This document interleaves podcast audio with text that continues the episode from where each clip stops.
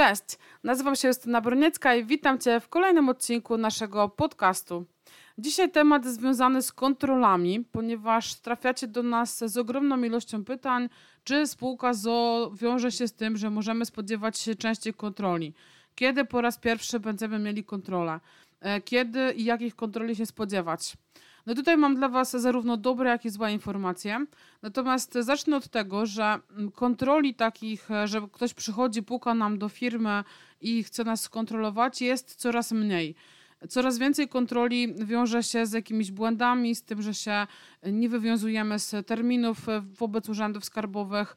Coraz więcej mm, jakby kontroli wynika również z tego, że urzędy powoli uczą się analizować jednolite pliki elektroniczne, więc prawda jest taka, że dzisiaj takich kontroli kompletnie, ja nazywam to kontroli z buta, chociaż może to nie jest zbyt marketingowe podejście, jest coraz mniej. Dzisiaj kontrole są właściwie z trzech głównych powodów. E, pierwszy powód to są kontrole związane z jakąś branżą. E, w każdym roku zmieniają się tak zwane branże, które są na tapecie urzędów skarbowych, i tutaj nie ma znaczenia, czy prowadzicie spółkę z działalność, spółkę komandytową, jawną czy fundację. Jeżeli prowadzicie firmę w danej branży, to po prostu istnieje wyższe prawdopodobieństwo, że będziecie kontrolowani. Na przykład w ostatnich latach na takiej tapecie były firmy związane z pożyczkami, ostatnio e, oczywiście firmy związane z handlem stalą, samochodami, więc jakby co, co roku ten, ta moda tak, ze strony urzędów skarbowych się zmienia. No i ta moda wynika oczywiście z tego, że w ostatnich latach diametralnie zmieniły się w tej branży przepisy, no i wiedzą, że tam mogą znaleźć sporo nieprawidłowości, e, w związku z tym kontrolują właśnie dokładnie te branże. No i tutaj trzeba się na bieżąco orientować, jaka branża jest modna w aktualnym roku. Druga sprawa to są kontrole związane z donosami, e, czyli nasza konkurencja, nasi klienci, nasi sąsiedzi, którzy zazdroszczą nam, że po raz piąty podjeżdżamy nowym samochodem, e, podają nas do urzędu skarbowego i mamy kontrolę po prostu. E, jeżeli chodzi o kontrolę z trzeciego, jakby z trzeciego poziomu, to, to jest takie podanie się urzędowi na widelcu. I teraz mam na myśli coś takiego, że nie odpowiadamy na pisma, unikamy kontaktów z urzędem, wysyłamy na przykład, nie wiem, dwa miesiące pod rząd albo trzy miesiące pod rząd tak zwane zerówki, jeżeli chodzi o VAT. E, teraz to wszystko widać, tak, bo są jednolite pliki elektroniczne, więc e, bardzo łatwo znaleźć informację, że y, my się spóźniamy u siebie z rozliczeniami. Mm, to już nie jest tak, że ktoś ręcznie to musi wyszukiwać, tylko to się dzieje po prostu systemowo. A więc jeżeli jakby robimy takie rzeczy, no to możemy się prędzej czy później spodziewać wezwania do wyjaśnień kontroli. Niektórzy z nas boją się zwrotów VAT-u. Jeżeli nie macie nic do ukrycia, jeżeli wiecie, że nie kombinowaliście, jeżeli wiecie, że są tam rzeczy, które spokojnie można pokazać urzędowi skarbowemu, to nie ma się czego bać. E, dzisiaj kontrola VAT-u najczęściej wygląda tak, że no, najczęściej są to kobiety, chociaż nie zawsze. Dzwoni pani z urzędu skarbowego do najczęściej biura rachunkowego i prosi o skany faktur, które dotyczą e, tego zwrotu. Więc nawet fizycznie bardzo rzadko te osoby się pojawiają w firmie.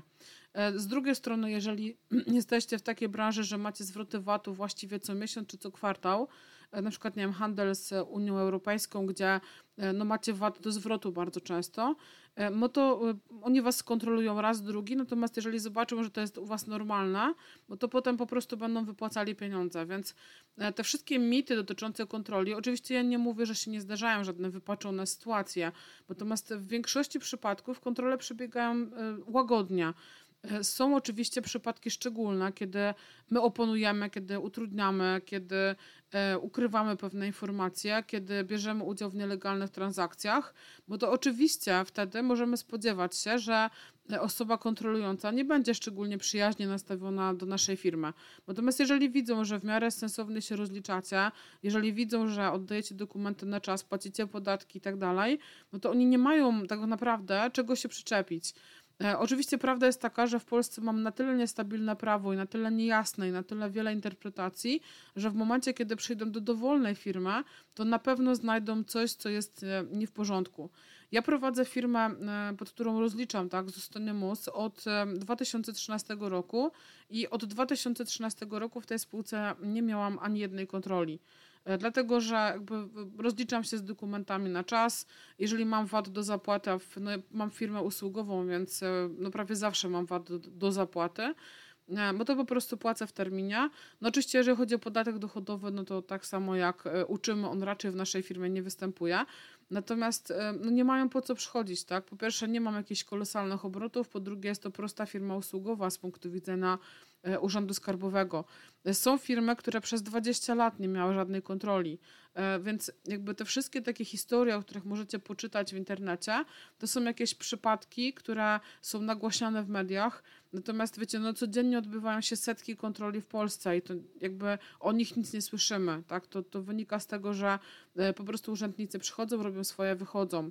Nie mówię, że to jest przyjemne, tak? Nie twierdzę, że takie kontrole są przyjemne, miłe, natomiast prawda jest taka, że no, w ogromnej większości przypadków nie ma się czego bać e, i mm, jakby nie ma się czego obawiać. E, w większości przypadków urzędnicy, co by o nich nie mówić, to jednak jest człowiek, więc jeżeli jesteście w stanie mu coś wytłumaczyć logicznie, e, to on to wytłumaczenie raczej przyjmie. Są oczywiście karierowicze, którzy będą się próbowali dorobić, udowodnić, że białe jest czarne, czarne jest białe, natomiast znowu są to jednostkowe przypadki. Naprawdę przeżyłam z kontroli w swoim życiu pewnie kilkadziesiąt z różnych instytucji, nie tylko Urzędu Skarbowego, ale również z ZUS-u czy z, z, z Inspekcji Pracy, e, nawet Sanepidu. I uwierzcie mi, że te kontrole e, przebiegają naprawdę w miarę łagodnie. Grunt to znać swoje prawa, grunt to nie dać się zastraszyć. E, jeżeli pokażecie, że jesteście przedsiębiorcami asertywnymi, silnymi, to nie ma za bardzo możliwości, żeby oni wam weszli na głowę. Takie są moje doświadczenia. Być może macie inne, być może kontrole u was w firmach przebiegały jakoś nadzwyczaj trudno. Natomiast e, no, moje doświadczenia są takie, że e, jeżeli e, nie, znowu użyję mało marketingowego słowa, nie gnoicie tych urzędników, no to oni prawdopodobnie nie będą chcieli zgnoić was.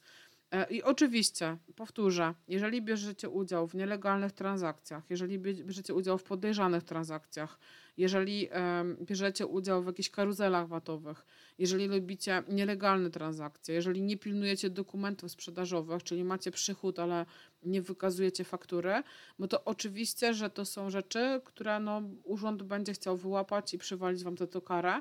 Natomiast jeżeli rozliczacie się w miarę sensownie, to po prostu wezmą was do korekty, bo będą widzieli, że to jest pojedynczy błąd, a nie specjalne działanie z waszej strony.